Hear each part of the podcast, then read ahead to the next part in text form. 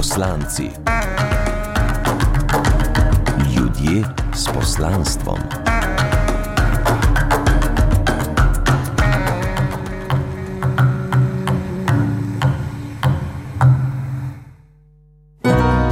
Dobro večer na valu 202 v oddaji poslanci. David Lap in Katja Črnila sva z vami in v najni družbi Robert Friškovec, eh, zaporniški duhovnik. Dobro večer, Robert. Dobro večer. Zakaj se mi tako smeji? Zato, ker mi je prijazno, da me nekdo pokliče zaporniški duhovnik. Sliši se zelo dobro. Zdaj, mogoče za začetek eno pojasnilo ne, poslušalcem. Mi dva se, se bova tikala, sva se zmenila. Uh, običajno duhovnika naslavljamo gospod.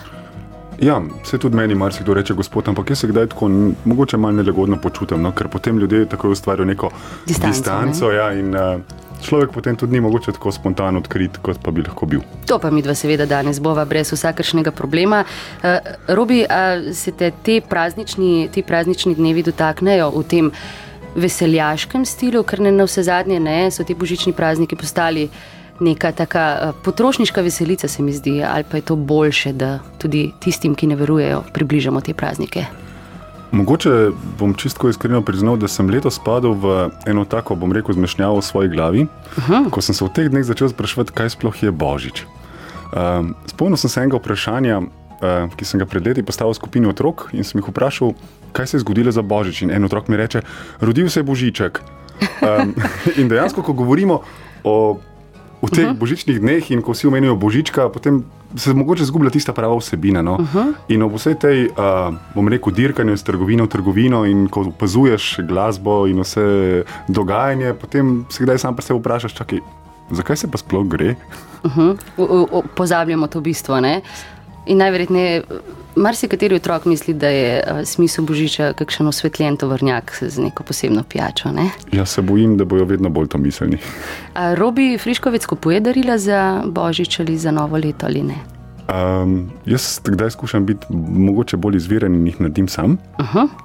um, seveda pa tudi kupim kakšno darilo. No. Hm, Kaj običajno narediš? Um, človeku, ki izročim darilo, ga skušam najprej poznati. -huh. Ker um, nisem človek, da bi tiste vsakdanje stvari, no, moškemu se da steklenico, ženski pa kilo kave. Uh, to ni za me.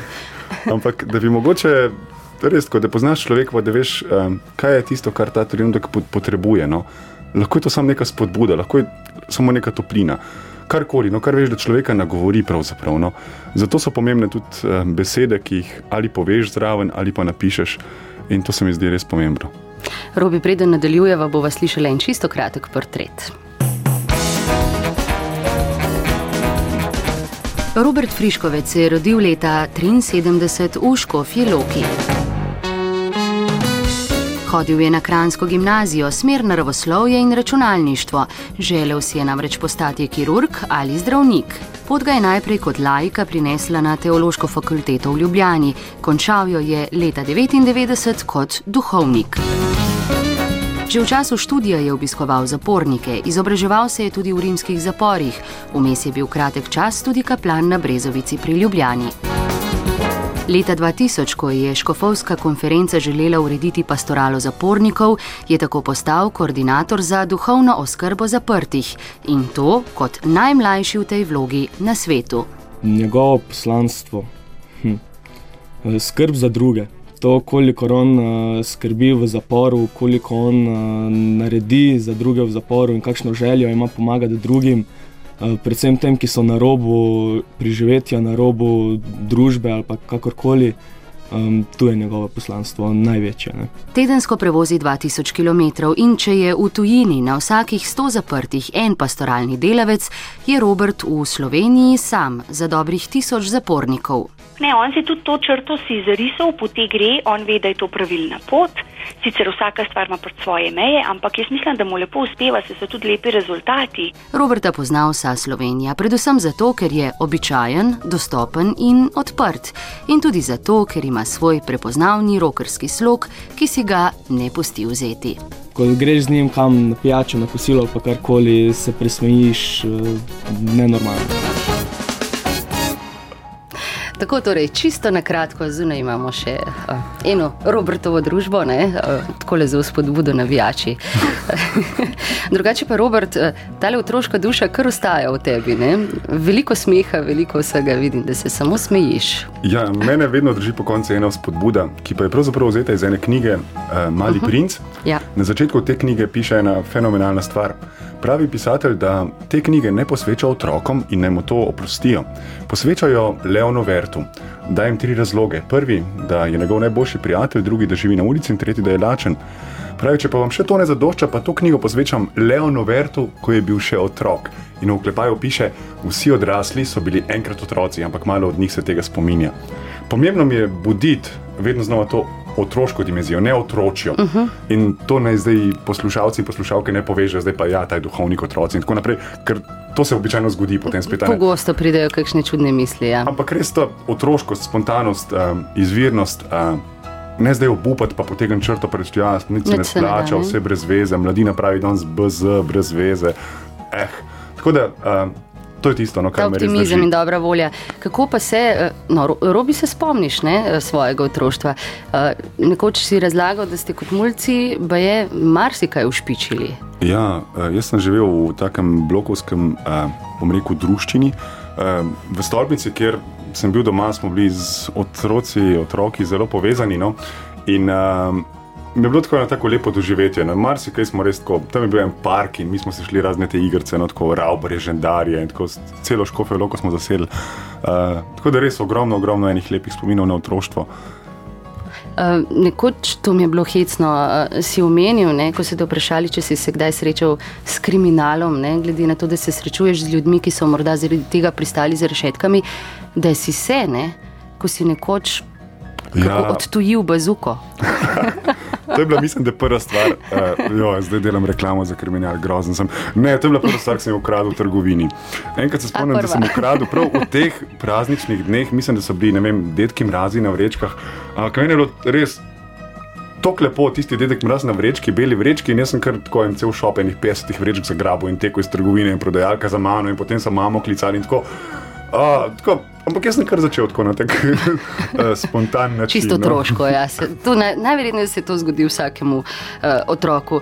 No, uh, kot mladega fanta, potem morda tudi kasneje, pa se te spomni tudi uh, prijateljica iz mladosti, to je Suzana Bergant. Bil je pa tako, ker se ga spomnim zelo tak uh, umirjen, sproščen to mi je bilo tudi zelo pa ne všeč, on je bil tako zelo nematerialno, res usmerjen. Ne?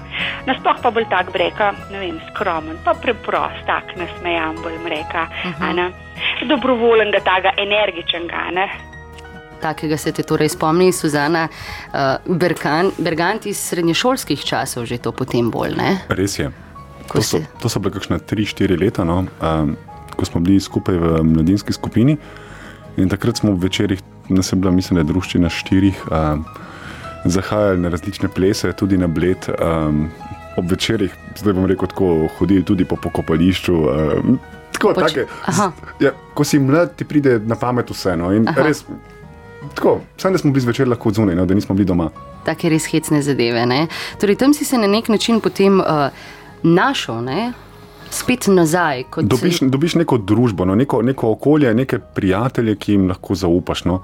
Ker bom rekel, v tistem svojem otroštvu, vsaj nekje od nekega četrtega razreda, sem bil res zelo zgubljen. No. To je bila najbrž ločitev staršev. Uh, ja, to je bilo tako, tisto, ko ti začne, ne veš, ne veš niti, kakšna je tvoja vloga v življenju, ne veš, kaj se dogaja s tabo. Tako, en tak nesmisel čutiš. Vse ti je res, kot pravim, mladina, danes brez veze. No. Uh, Poleg tega se pojavljajo različni tisti kompleksi, uh, uh -huh. predvsem manj vrednostni, ne več vrednostni, ampak manj vrednostni. Tipična puberteta potem že pride. Ne? Ja, kot imaš predolge roke, predolge noge, vse, kar je na obrazu, je čudenga. Um, začneš tudi z raznimi begi, neumnosti, počneš uh, res, kot, kot te mine, mogoče bom rekel, čisto vsa volja do življenja. No? Ampak uh, tam na začetku srednje šole sem se potem uh, rekel, vrnil, uh, tudi s pomočjo družbe, v kateri sem bil, in mi je bilo res eno tako veseljeno biti s temi prijatelji. In takrat ste zelo veliko prepevali tudi, in tudi o tem Suzana. Mi smo tisto obdobje, smo res kar veliko prepevali. Mi smo prepevali, mi mogoče sam tam promaž, da bi rekel, mi smo tudi zunaj po maši, ki je na klopci, sploh tako lepo let zvečer se spomnim, smo kar tam z eno klopco imeli v parku, pa smo prepevali. Ne? In skozi to sem zdi, nekako je pol robi tu mehen za kitaro poprijel in se mu je kar nekako, mu je kar pasala, ne vem kako bi rekel, je kar šlo, lepo še s kitaro, to bolj pestro bilo. Ne? Predvsem se zdi, no res smo ogromen, ogromen pel. Tudi vem, se spomnim, enkrat smo polet prišli iz Dravelj, z Ljubljane, z enih uh, srečanj duhovnih. Pa to smo bili tako polni ene energije, to smo mi še kar pelega, pa tam zunaj, pa tako breko, Ana. Skratka, a? Super. bilo ja. kar zabavno. Ne? In takrat se je začela kitara, ali kako ta tvoja Ja, eh, stalna spremljevalka, rokerska tudi. Ne? ja, na začetku srednje šole. Pravzaprav me je navdušilo moje bivše dekle, no? ona je igrala kitaro in ona mi je tudi pokazala prve akorde potem v, v tej smeri in to je bilo tono. Tudi duhovniki so bili zaljubljeni. Ne. Ne? Ja, no. ne, duhovniki ne, ampak še nismo bili A Ja, duhovniki. to, ja, popravljamo, popravljamo. Tudi do tega prideva. Zdaj pa Cranberries, to je pa je zasedba, ki ti je zelo všeč, ne? Res je. pa jo bomo zdaj slišali.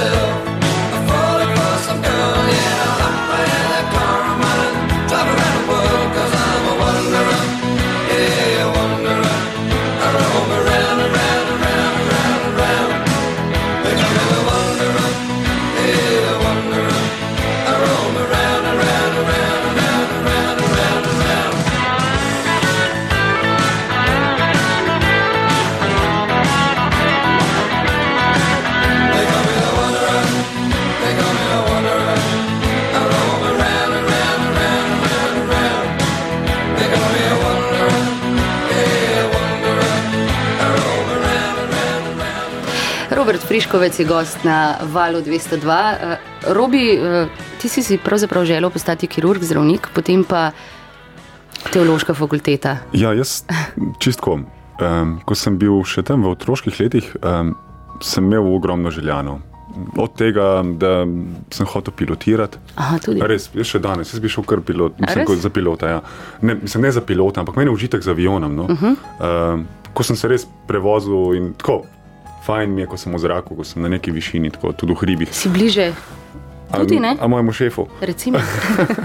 Kaj pa, kaj, kaj pa vem, kdaj si mu res najbližje, veš, to tako, um, Ja. če je v srcu. tako da, um, ko sem bil otrok, sem pregledal te razne mm, nadaljevanke, bom rekel, medicinske urgence in vse to, kar je bilo. No, tisto. In jaz sem prav tako začutil, da je to en tak zanimiv poklic, no, ki me je kar vlekel. No. Res, da je bilo zmeri. Se je nekaj dogajalo na peto, zmeraj so en avto pripeljali, da ne trije so noter bili malo ranjeni. Ja, uh, tako da to me je res vleklo, tako bela halja. Um, na koncu sem se upisal na teološko fakulteto, ampak ne z namenom, da bi postal duhovnik, ampak bolj iz tega, bom rekel, širokega spektra um, vedenja, poznavanja o Bogu, uh -huh. vsem tem, kar, bom rekel, me je na nek način uh, Vleklo. držalo, vleklo. Uh, res pa nisem hotel postati duhovnik, no, tiste klasične želje, ne imeti fajn ženo, fajn otroke, fajn hišo, fajn avto, pa fajn službo, vse pa mora biti fajn. Ja, Uh, tako. Sploh, tako kot danes to vse moraš imati. Ja, nikoli nisem imel tistega, kot, ko rečejo, ne vem, kot duhovnik rečejo, ja, Bog me je poklical. Ne. Jaz sem tako rekel, ja, kako to zgleda, ne vem, kaj se odpre nebo, pa Bog oče dol pogleda, pa reče, ho, ho, ho, hodi za menoj. Ja. ja. Ne vem, ali pa danes, ko smo v obdobju mobitelov, da se na telefonu piše številka nebesa. Piše SMS. Se, se, vkliče, se oglasi sveti Peter, reče, samo malo vežem na Boga očeta. Uh, Meni tega ni bilo, no, um, in zato si tudi nikoli nisem znal predstavljati, kako to, pom- kaj to pomeni, Bog te pokliče. No. Ampak se je preprosto zgodilo ne, na nek način. Uh, o tem, ali si kazal, da se boš posvetil temu, ali se je to že kaj prečutilo, videlo, slutilo, Suzana Brgant. da bi rekel, da odnegdaj ne, a ne. Jaz mislim, da imel je sicer takrat že en tak obdobje ali pa trenutke, ko se je mehen odmaknil od nas, ali pa mogoče, kako bi rekel, temu bil mehen bolj močeč, eh, nekako je mehen pomeditiral, pa tako, a na mal bolj zamišljen je bil. Tako nekako, da bi rekel, da se je iskal, sam sebe iskal, ali en smisel, nekaj je nihal, ne. Uh -huh. Da bi prav že prej rekel, tisto pa ne, ne. In potem se je pa on tam, ki je mehen bil skeptičen, ki je njihov, se odločil za ta duhovni poklic in takrat se mi prav lepo zdeli tistega dne enkrat prišel prav osebno povedati, da pa sedaj je pa zdaj tisto dokončna odločitev prišla, da misli, da je prav, ne, eh, da se je odločil pač za duhovnika. Tako torej je Suzana Brgant opisala situacijo, kako je to vse skupaj potekalo. Eh, Kmalu zatem, no, ko si odkril tisti plakat in začel prvič nekako se dotikati tega dela, ne, ki ga upravljaš danes, eh, si šel v Rim, ne, kjer je 1500 zapornikov in tam pravzaprav šele ugotovil, kaj to sploh pomeni, to, kar počneš danes, ne, se, se na nek način izobrazil v to smer. Ne. Ja, ko sem bil še v prvem letniku teološke fakultete, to se pravi kot še študent laik, sem zagledal ta plakat, kjer je pisalo: Če želiš spremljati zaprte osebe, se vključi v skupino prostovoljcev preko Centra socialno delo Bežigrad, Centra socialno delo Vič, tukaj v Ljubljani. Eh, Vodila sta jo dva socialna delavca. In jaz, ko sem gledal plakat, sem rekel: Wow, zakaj pa ne? To je to, ne. Meni je bilo tako tisti neki izziv. No. Res, v življenju so mi stvari izziv. Jaz bi lahko kompliciral, joj, mm, kaj, pa, mm, kaj, pa če bo to, pa joj, mm, pa ne znam govoriti. Poskusiti ni greh, ne? Ja, ja, tisto, jaz sem rekel, ja, gremo. Ne? In potem je za to moje delo, ko sem stopil v semenišče, izvedel rektor semenišča in tudi bivši načkov Šušter. In sta mi dala takrat možnost, da grem ali na Dunaj ali v Rim. Jaz sem se odločil za Rim. V Rimu sta dva zapora, en je Regina Čeli, nebeška kraljica, in pa Rebibija. Rebibija je res zapor s 1500 zaprtimi osebami, tako približno kot ima cela Slovenija, um, drugače pa v celi Italiji je približno nekaj čez 50 tisoč zaprtih. No. Um, v tem zaporu sem si predvsem nabiral izkušnje. No. Notar so bili trije duhovniki stalno zaposleni, ob koncu tedna, ko so pa imeli maše, je pa na teh 15 oddelkov, kar sestavlja ta zapor, um, hodilo še 10 duhovnikov, da so bili navzočeni uh -huh. na oddelkih. In uh, moja vloga v tem zaporu, zdaj italijani temu rečejo tako imenovani asistente volontarjev, se pravi prostovoljni pomočnik, da sem se ukvarjal pravzaprav z uh, drugimi jezikovnimi skupinami. No. Ena velika skupina Ja. je bila iz, oni so rekli, ex-Jugoslavije, uh, bivše jugoslovansko področje, no, uh, srbo-hrvaško govorno področje takrat. In je bilo res kar nekaj ljudi, no, ker se je takrat končala ravno ta vojna v Bosni in Hercegovini. In uh, je bilo kar nekaj Na ljudi kot begunc, ja. beguncev tudi na tem področju, in nekateri so zapadli tudi v kriminal in potem padli v zapor. Tako da to je bilo eno področje, drugo je bilo angliško govorno področje, to so bili razni Indijci, uh, določene afriške države, kjer je uradni jezik angliščina. In potem sem bil še kot pomoč pri treh uh, romanskih jezikih, to se pravi francoščini, španščini in italijanščini. Um, kakšna pa je bila uh, izkušnja zdaj? Uh, ti si prebival pri misionarjih ljubezni v Rimu ne? in Ja. najverjetneje prišel tudi stik, bom rekla, še z drugimi stvarmi, torej z bolniki, uh, z ajcem in s klošarji in podobno. Res je. Uh, jaz sem bil najprej v slovenskem zavodu, uh -huh. Sloveniku, potem sem bil tudi pri teh bratih Matere Terezije. To je pravzaprav moška veja, uh, ki jo je ustanovila Mati Terezija. In skupaj z njimi sem spremljal oziroma spoznal tudi apostolat uh, teh, ki so bili okuženi z virusom HIV oziroma so zboleli za AIDS-om. V Rimu je posebna bolnica, no, kjer je oddelek uh, za to vrstno bolezen, to je bolnica San Camilo di Trastevere. In ko smo hodili tja, mi je bila ena tako posebna izkušnja, no, ker v Sloveniji, potem ko sem se vrnil, sem z enim prijateljem še skušal na nek način spremljati malo na infekcijski kliniki, to, tukaj v Ljubljani tudi obiskoval določene bolnike, ampak pri nas so bolj v tej, bom rekel, uh, ne stalni negi, ampak bolj neke vrste hospitalizacije, uh -huh. potem se pa vrnejo v svoje domače okolje. Uh, v Rimu sem bil s temi brati tudi uh, veliko krat navzoč pri deljenju hrane, ki je pod to veliko železniško postajo, uh -huh. um, termini. Res ogromna obednica, ko pride, bom rekel, okoli tisoč ljudi vsak večer uh, na obed. Um, z njimi smo potem tudi kdaj pa kdaj prespali, no, ker so tam posebna bivališča. Tako res en tak um, širok spektr delo, delovanja sem preko teh bratov zvedel. No. In ta širok uh, spektr delovanja je prav prišel. Ne? Potem, uh, kasneje, tja se bova še vrnila, prej sem napovedala. The Cranberries, zdaj bodo pa res.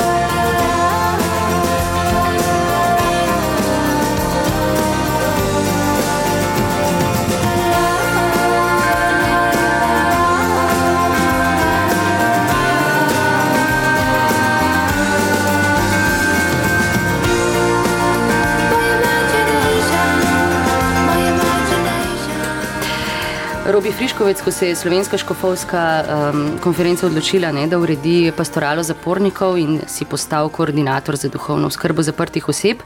Um, A so se upravniki zaporov počutili kaj ogrožene, glede na to, da pravzaprav je težko reči, kdo je zdaj bolj tvoj šef? A je to uprava za izvrševanje kazenskih sankcij ali je Jaz zmeraj rečem, tako- jaz zmeraj rečem, da pač imam samo enega šefa. No? Uh, pa zdaj nočem, da ne bi priznal tako karkoli, ampak meni je tako tisto pomembno. Sej, pravila moraš posod sprejeti igre in tako je. No? Uh, na prejšnjo vprašanje, če se je kdo počutil ogroženega, zdaj ne bi rekel, da so se upravniki oziroma zdajšnji direktori, kakorkoli bil, pa je verjetno nek šok uh, za same zavode, no? to se pravi, zdaj pa kar duhovnika. Ne? In je bilo uh -huh. ogromno teh pripomb, ja, kaj, kaj bo pa zdaj on počel. a ne?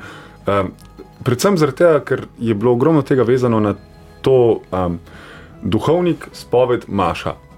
In, In, to je to. in to, je ne? to ne? in to pač ne paša. Ne? Uh -huh. Pejte v zakristije in tam delajte, kar hočete, ampak ne pa drugače. Ne? Pa najbrž tudi vezano na institucijo samo, se pravi na crkv kot prostor, ne? da se gre tja, ne? da pride duhovnik. Dejansko, ja. Ljudem, ne? Tako da v slovenskem prostoru so se mogli kar navaditi na to. No. Čeprav so bili, uh, recimo, Načkov Šuštar je imel uh, leta 91 mašo na dobo, recimo ob teh praznikih so bile maše, recimo za Božič, veliko noč in tako. Um, ampak da pa bi bila res ta pastoralna oskrba urejena, uh, tega pa ni bilo. No. In zdaj skozi leta no, so se stvari na nek način navadile, usedle. Um, Je pa to že nekaj običajnega. Ne? Ja, dejansko je to, da si pač navzoč tam. No. Jaz, konec koncev, tudi ko sem zaposlen na upravi za izvrševanje kazenskih sankcij, jaz sem tam kot koordinator za duhovno skrbo. To pomeni, ker gre za pravico zaprtih oseb do duhovne skrbe, da se uh -huh. lahko vsak obrne name. In če želi, uh, prosi za svojega predstavnika, kar je potem moja naloga, Ne glede na obrnem. veroizpoved, Ne glede ne? na veroizpoved. Tudi danes uh, ni pomembno, da je zdaj on opredeljen kot katoličan ali karkoli, uh -huh. ker se človeka ne sprašuje, zdaj, ne, zas, na ne, ne, ne, vsem, ne zasliši, ampak um, ljudje si mogoče kdaj ne predstavljajo, kako to zgleda. No? Prva stvar je, da ima možnost priti nekam, nekam, da ima nek prostor, kjer se lahko pogovori o čemer koli. Uh, nek prostor, kjer ga jaz konec koncev ne obravnavam, uh, kjer lahko spregovori o čemer hoče. Prvi odnos je tisti človek s človekom. No? Jaz sem se naučil prvo lekcijo, bom rekel, v zaporu ravno to, da jaz moram biti najprej človek. Da mi nič ne pomaga, če imam 15 nazivov. ne. E, bom iskreno rekel, poznam doktorja znanosti, ki pa doma pretepa svojo ženo. ne. Kaj mu Ja. pomaga vse ostalo? Tako da, in da moram v njem videti najprej človeka. In ta odnos je tisto, ko slišiš uh, drug drugega in ko lahko spregovoriš. In poslušaš človeka. Uh, svoje mnenje bom rekla o tvojem delu, bo zdaj povedal tvoj prijatelj in kol kolega duhovnik, če lahko tako rečem, Aleš Tomaševič. Robi se je uh, v bistvu v tem svojem poslanstvu res sklonil k tistim ljudem, ki jih večina od nas nekako rečeno odvrže oziroma odpiše. In Robi se sklanja res k tistim najbolj ubogim, ki jih, katerim daje priložnost, novo priložnost, tudi zato, da na nek način postanejo boljši ljudje in uh, s tem jim tudi približuje Boga, ki pa daje vsemu smisel. Očitna. No, tako, uh, sedaj je govoril torej Aleš Tomačevič. Mi dva se tukaj ne, uh, pogovarjava različne stvari. Aleš torej uh, pravi, da uh, na nek način si prišel k tistim, ki jih je družba odložila na smetišče. Uh, torej nekam, kamor pravzaprav tako, no. pošljemo ljudi, ki kvarijo videz družbe. Um, ja, mogoče kdo tako gleda na to. No. In tudi um, sem hvaležen, da je Leško povedal. Ampak jaz, ja, vse si pri tistem, bom rekel, šibkem členu verige. No. Uh -huh. um, jaz ne gledam na to, da zdaj so pa na robu ali pa zdaj pa grem k tistim, ki so na robu. Ampak pomembno mi je videti res vsakega človeka. Vse konec koncev so lahko ljudje tudi uh, bogati, imajo ne vem, karkoli vse, pa so v sebi zaporniki, uh -huh. pa niso na robu družbe. Ampak pomembno mi je videti človeka res v tisti njegovi dimenziji, bom rekel, ujetosti v določene stvari. Res je tragično, če človek nima materialnih stvari, če ni preskrbljen, če ni tistega osnovnega. In pomembno mi je iti k takemu človeku. Ampak uh, ne bom pa rekel, da zdaj sem pa jaz postavljen za poslanstvo Ja, ja. teh na robu družbe. Ampak na nek način, čeprav mi je zanimivo mogoče to vprašanje, ustanovil si zaupni telefon uh, za pomoč žrtvam. Uh, koliko so ljudje skozi tvoje izkušnje dosedanje pripravljeni tako čisto po krščansko odpuščati, kot uči vera? Ne? A je to vedno mogoče odpustiti nekomu, ki je naredil res nekaj hudega, ne vem, tvojemu bližnjemu, tvojemu otroku? In mu odpustiti, najverjetneje je težko, ne? Zdaj ljudje rečejo, ja, sej odpustim mu, ampak pozabil pa ne bom. To je klasika. Ja. Um, tukaj gre za pot. Tu ni za dejanje, ko jaz rečem čez noč, ja, zdaj pa moramo, ne, ker me vera tako uči. Ja. Ampak uh, gre za neko pot uh, spoznavanja samega sebe, ker pravzaprav neodpuščanje na nek način uh, najbolj škodi tebi osebno Ja. in te drži v nekih uh, oklepih. Ne da bi zdaj hodil biti tukaj pameten, ampak res gre za pot, ki jo človek prehodi v, bom rekel, v tej svoji drži. Um, ko opazuje samega sebe, kako mu ta stvar, uh, kaj mu povzroča, uh -huh. mogoče nove rane, mogoče se to pozna v odnosih do določenih skupin ljudi, s katerimi se srečuje, kakorkoli že. No. In zato mi je pomembno, da se s tem ukvarja in na nek način uh, rekel, tako, preraste. Ja. Ali pa da vse stvar pusti, vsaka stvar pusti uh, neko sled, dejstvo. A si bil kdaj uh, čisto v, v osebni ali profesionalni stiski, ko si imel opraviti z nekom, ki je res zagrešil, ki ni, ne vem, utajil davkov, ukradel avtomobila, ampak naredil nekaj res hudega. Najbrž je težko čist kot človek iti. Uh, Odmisliti to in ga gledati kot človeka. Uh, se mi je No, to zgodilo. čisto osebno ne predstavljam, Se, no. se, se mi je zgodilo, uh, da sem ob človeku, to res pred leti, na začetku, mislim, da sem bil dve leti duhovnik takrat, uh, ko sem dobesedno zablokiral, no? ker sem si sam uh, zelo osebno, čustveno predstavljal, uh -huh. Da Kako to mora biti? kako, ja. kako se to lahko sploh zgodi. No? Um, takrat sem si vzel prav nek 14-dnevni time out, ne? tako da nisem sploh niti šel v zapor, niti nič, in da sem se sam pri sebi vprašal, "Ej, človek pa, a veš, kaj delaš. Um, no, začel sem se učiti, da znam stopiti tudi dva koraka nazaj, no? da se ne ukvarjam z vsebino, ampak da vodim proces. Konec koncev, to, kar so te ljudje naredili, uh, jaz nisem njihov odrešenik, In ne sodnik, najverjetneje. Ne? dejansko. S kakšnimi stiskami pa pridejo na te razbremenilne pogovore, kot ti praviš, vse? vse, kar si človek lahko predstavlja. No, tukaj ni zdaj nekega uh, merila, no, ampak od tega, da, vem, da bi rekel človek, saj tako za en dan domov, ne, samo to, da vidi domači prak, no, bom rekel, rekel iskreno. ne. Stvar, bom rekel, domotožja. Po drugi strani uh, je veliko krat jeza, jeza, ko se srečuješ ali s, z zaprtimi osebami, ali z delavci v zaporu, ali jeza na domače, ali jeza na samo dejanje, ali jeza sam na sebe. Te jeze je kar nekaj nakopičeno. No? Uh, strah, razne užaljenosti, um, valjenje krivdo na drugega. Tako da, Skratka, na nek način psiholog, ne? Um, ja, mnogi, Tak, bi lahko, mnogi bi lahko primerjali s psihologom, ampak jaz pravim, da nisem psiholog, jaz sem še zmeraj duhovnik. Ker se loči moje delo od ostalih strokovnih delavcev v zaporu, Ja. ravno potem, da um, so oni tam svojo nalogo, uh, v drugačni vlogi kot jaz, in da jih oni dejansko morajo obravnavati, ker je naš uh, sistem tak, kot je, in so te ljudje postavljeni z določenim namenom tam.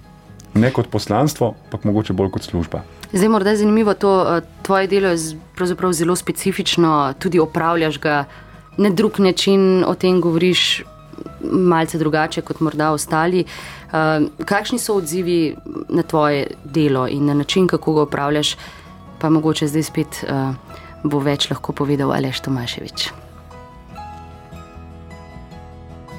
Znotraj cerkve je pa tako zelo različen sprejem, bom povedal. Od tega, da nekateri odobravajo ta njegov prinos cerkvi, kot tudi to, da nekateri ne.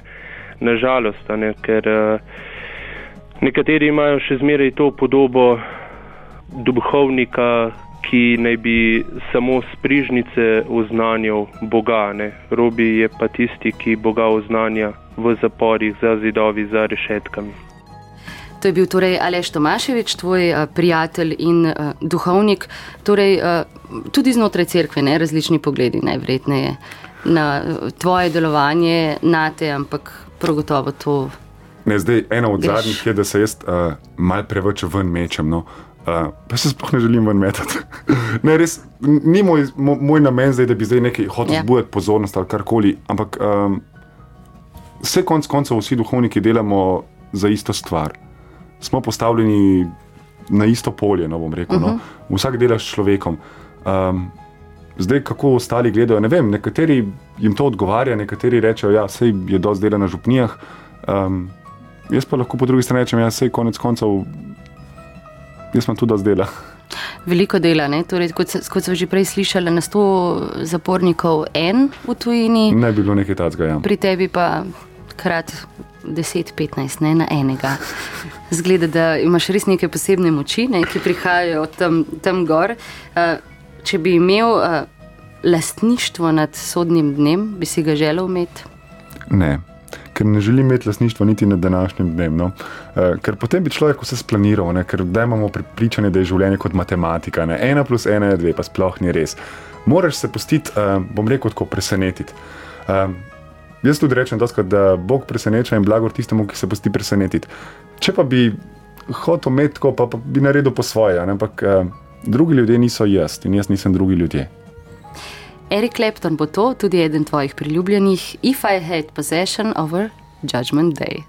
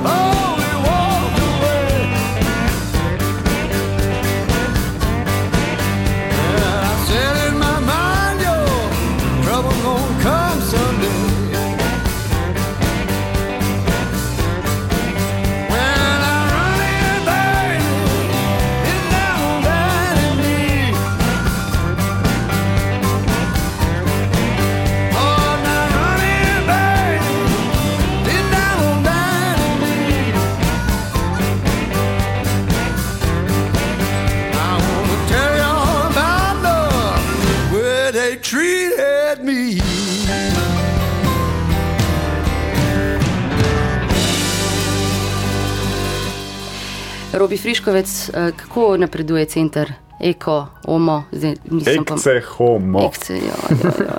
Ja, gledajte, Sram me. človek. Uh, to je pravzaprav moja ideja, ki je zrasla uh -huh. pred petimi leti, mislim. Da. Uh, gre za center, ki ga želim postaviti, kjer naj bi pravzaprav delovalo vseh osem programov, s katerimi se ukvarjam pri uh -huh. tem svojem delu. To so skupine ljudi, ki so povezane z besedo zapor. Na eni strani zaprte osebe, na drugi strani žrtve kaznivih uh -huh. dejanj, družine enih in drugih, delavci v zaporu, ljudje po prestani kazni, prostovoljci, ki spremljajo zaprte osebe, slovenci zaprti po svetu, ljudje po prestani kazni in medijacija med žrtvami in storilci. Um, gre tako počasi, no? ampak uh, ustrajam tudi s pomočjo prijateljev, uh, ki se trudijo uh, mi organizirati kakšno stvar. Uh -huh. In uh, lahko rečem, da sem vesel predvsem to, no, da ljudje um, začutijo to idejo, ker ne želim, da je to moj projekt, da se zdaj jaz postavim spomenik tukaj Da v si ven Sloveniji. mečeš, ne? Ja, da se vun mečem, ampak da, da pravzaprav um, ja, da je to del Slovenije. No? Ker um, jaz vedno pravim, da je zapor ogledalo družbe. In da takšni, kot smo v družbi, takšne imamo zapore in obratno. No? In da konec koncev, je, ko ljudje pridejo iz zapora.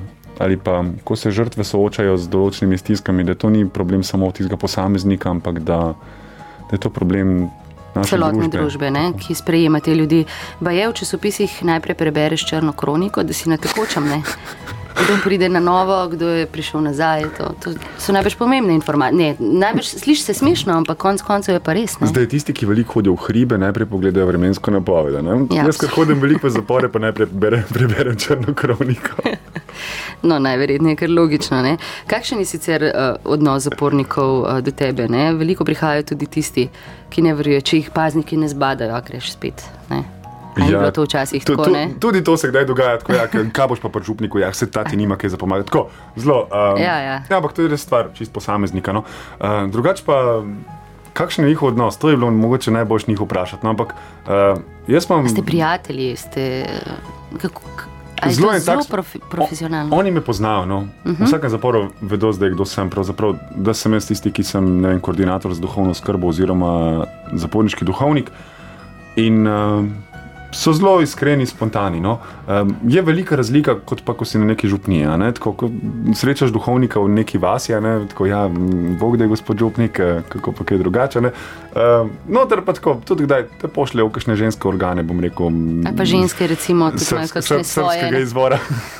Ali pa imajo tudi ženske kakšne svoje. Ne? Ja, tudi to se zgodi. Mislim, res, pač, um, je ena taka zanimiva sorte, spontanost. No. Jaz vedno znova opažam, da noter ne moreš nekih rožic saditi, no, tako biti Ja. ja. leporečiti, pa govoriti, kako je vse fajn. Pa, ampak Ker ni. Ja. Moraš, moraš biti zelo življenski. No. Eh, Drugače si pa zelo fleksibilen. Zdaj, eh, čez nekaj minut bomo slišali, eh, kako se je razpletla prireditev Športnik leta 2008, ampak pa je ob športnih prednosih upade število. Ne, ne vem. Ja, ja, zapornikov Ko so bile maši. olimpijske igre, se je to zelo poznalo. Imaš ti Ampak- malo dopust, ne?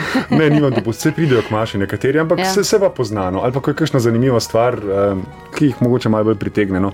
Zdaj, to ne pomeni, da je zdaj maša od nekih e- ena od ponejenih aktivnosti, ki so noter, ampak uh, mi je logično, no, da, ja, da ga kakšen. Včasih malo na, bolj ne, moraš da to peto predstavo primaši ali kako. Ker, ne?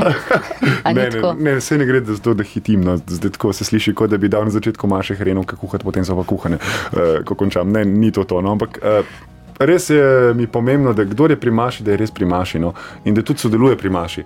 Zdaj se kdaj malo pohecam, no, da imam veliko krat v zaporu maše s prilagojenim programom.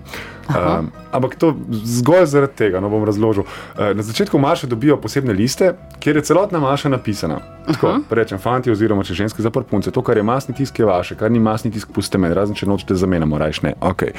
In potem sredi maše se zgodi, da kdo dvigne roko in reče: Ej, robi, kje smo zdaj? ne?" Ja, in greš do njega in mu pokažeš. ne.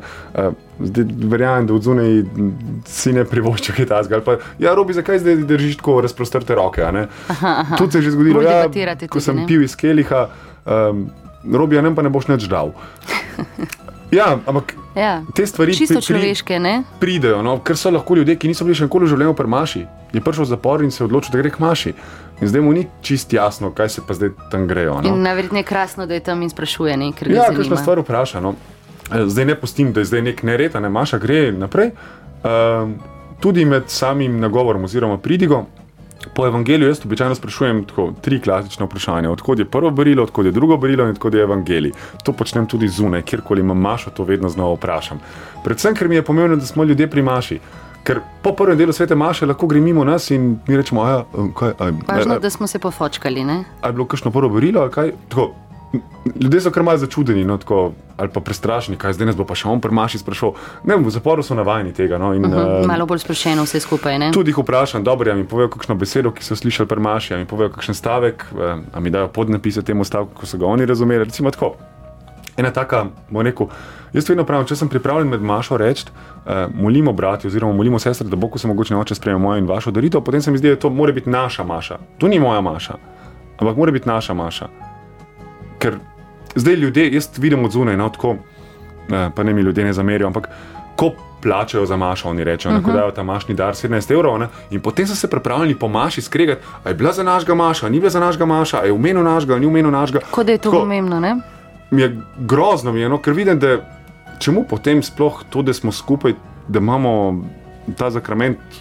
Če pa smo takoj po maši lahko na mrtvo skregani, se skregamo še z župnikom in tako. Ba. Skratka, pozabimo vse, kar je bilo povedano, ne? in najbrž kakšen je bil namen.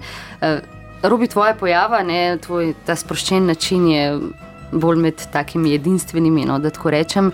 Uh, o tem, ne, kako na to gledata vaš prijatelj, duhovnik Aleš, uh, tvoj prijatelj, duhovnik Aleš Tomaševič in predstavnik mlade generacije prijateljev Dragan Marinovič. Ljudje zunaj cerkve v bistvu spoznavajo neke vrste duhovnika, ki ga ne poznajo. Ravno s to svojo živahnostjo, s to svojo odprtostjo in domačnostjo robi prinaša tega veselega Jezusa. Kot je Jezus v bistvu naredil spremembo stare zaveze in nove zaveze, oziroma spremembo jo je dopolnil staro zavezo, ko so imeli Boga za nekega takega očeta, ki, ki budno in skrbno vse spremlja, je Jezus prinesel to podobo Boga, da je Bog ljubezen in uh, robi, robi glih to izvršuje čisto v svoji polnosti. In v tem smislu se mi zdi, da ga tudi ljudje, ki niso posvečeni, da ga opazujejo in vidijo.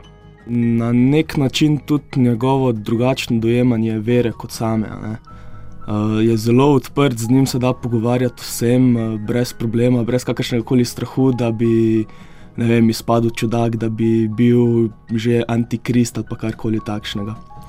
Je, vem, ko se pogovarjaš z njim, je tak, tako, da bi imel vem, pred seboj eh, enega svojega vrstnika, s katerim sta že od, skupaj ovce pasla, če se lahko tako izrazim. Ne. Dejansko, kot da bi bil star 17 let, 18 let, pač mlad po duši, mlad v, tudi po zunanjosti, mlad, povsem mlad, ni, ni tako, da bi bil ne vem, kot kakšni starejši v kakšnih župnijah, kjer uh, že, malo glas, že mladina malo glasnejša in je že do nek problema. Ne.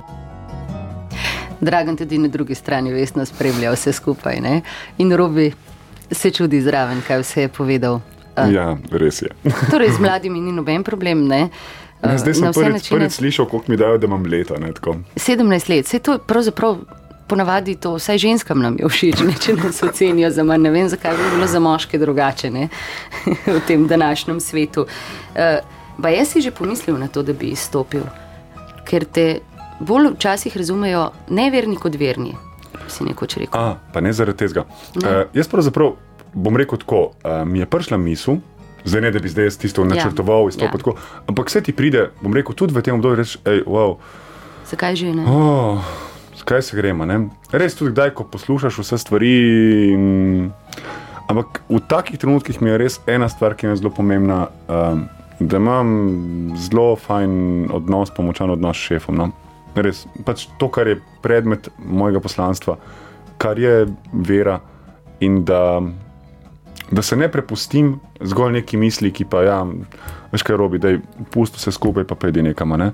Um, Jaz vedno to rečem, vse ni zdaj tukaj ta problem, bom rekel, ženske, zdaj pa, ko reče, ja, ženska ga je speljala. Uh -huh. uh, pri meni je bilo veliko krat bolj to, no, um, bom rekel, tudi kdaj malo obup nad vsem. No. Um, na eni strani nad tem, kar doživljaš, um, mogoče kdaj tudi ne moč, um, rekel, kdaj tudi se- situacija, ki jo poznaš uh, tudi znotraj cerkve uh -huh. ali pa zunaj, uh, tudi določeni, bom rekel, napadi, komentarji, uh -huh. očitki. Tako, ko bom povedal čist um, stvar, ki se mi je zgodila enkrat uh, pri mojem delu, ni bilo nikogar na pogovor. No? In spodaj se sliši tako vprašanje, kaj zdaj pedofil, kje si? Uh -huh. In tako jaz pridem do okna in rečem, ja, prid gor po švidu. in jih je 27 prišlo gor, so se usedli tako pred mano in sem rekel, dobro je. Zdaj, po vašem skromnem mnenju in po mnenju še marsikoga drugega, smo lahko, kot kaže duhovniki, samo troje. kurbiri, homoseksualci in pedofili. Čisto iskreno sem rekel. Uh -huh. Če želite, mi lahko kamero namontirate na zadnje tri črke, na rita ne? in boste videli, kaj sem. Ne? Tako, um, ne, prena, Ne. ne, ne, prenašam tega, da zdaj predalčkamo. Ne? Uh, ja, ta itok diši po, po, po, po ja. cerkvi, uh, denar nosi v Vatikan in tako. In ko kdaj, ne vem, se čutiš pri vseh stvareh, ki jih počneš, in počutiš, um, doživljaš same neke take, bom rekel, Napade. napade, očitke in tako se reče, hej pa, kaj se gremo. No? Sam res, če še enkrat rečem, mi je pomembna ravno tista vez, um, da, ja, da se zavedam vsak dan znova, Zakaj in zaradi koga? Ne? točno to. Eh, Čisto človeško vprašanje. Ali kdaj, ne vem, si kdaj zaželiš čist takega običajnega partnerskega življenja? Uh, ne vem, brez celibata. Um, ja. ja, ampak tukaj gre v tej smeri. No. Um, prva stvar je to, da si človek um, na nek način um, želi neke nežnosti, topline, sprejetosti, um, ljubljenosti. In potem pride tako, začneš razmišljati, da ja, ne bi bilo fajn, če bi imel pa družino, pa če bi imel um, otroke, če bi imel ne vem, karkoli. Tako, ti pride. So poletni meseci, ko vidiš pač tako morje lepih deklet, a ne, in ko si tako mal vas. A, ja, pa ti spet pride misel. Uh, vse take misli ti pridejo normalno.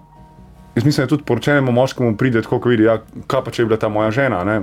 pa ima zraven ženo. ne. Tako da To ni nič slabega, Um, najverjetneje. Ne? Stvar je samo v tem, da znaš potem to misel uravnavati. Da jaz veliko krat tudi povem, tako, da je prijateljem rečem, da ja, je pa dobra. a ne.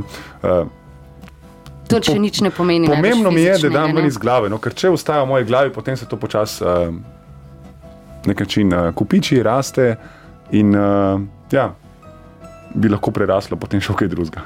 Ampak, uh, Robi, ti imaš dober odnos s tistim tam zgoraj, ne, s svojim šefom. Juhuhu. In najverjetneje tudi počiščene stvari um, v svoji glavi. Uh, hvala lepa, no, da si bil gost na valu 202. Mi je bilo veselje. Zelo lepe praznike ti želim, čim manj potrošniške, tudi v drugih, ki jih srečuješ in gledaš. Ne? In pa lepo se imej, Hvala lepa. lahko noč. Lahko noč.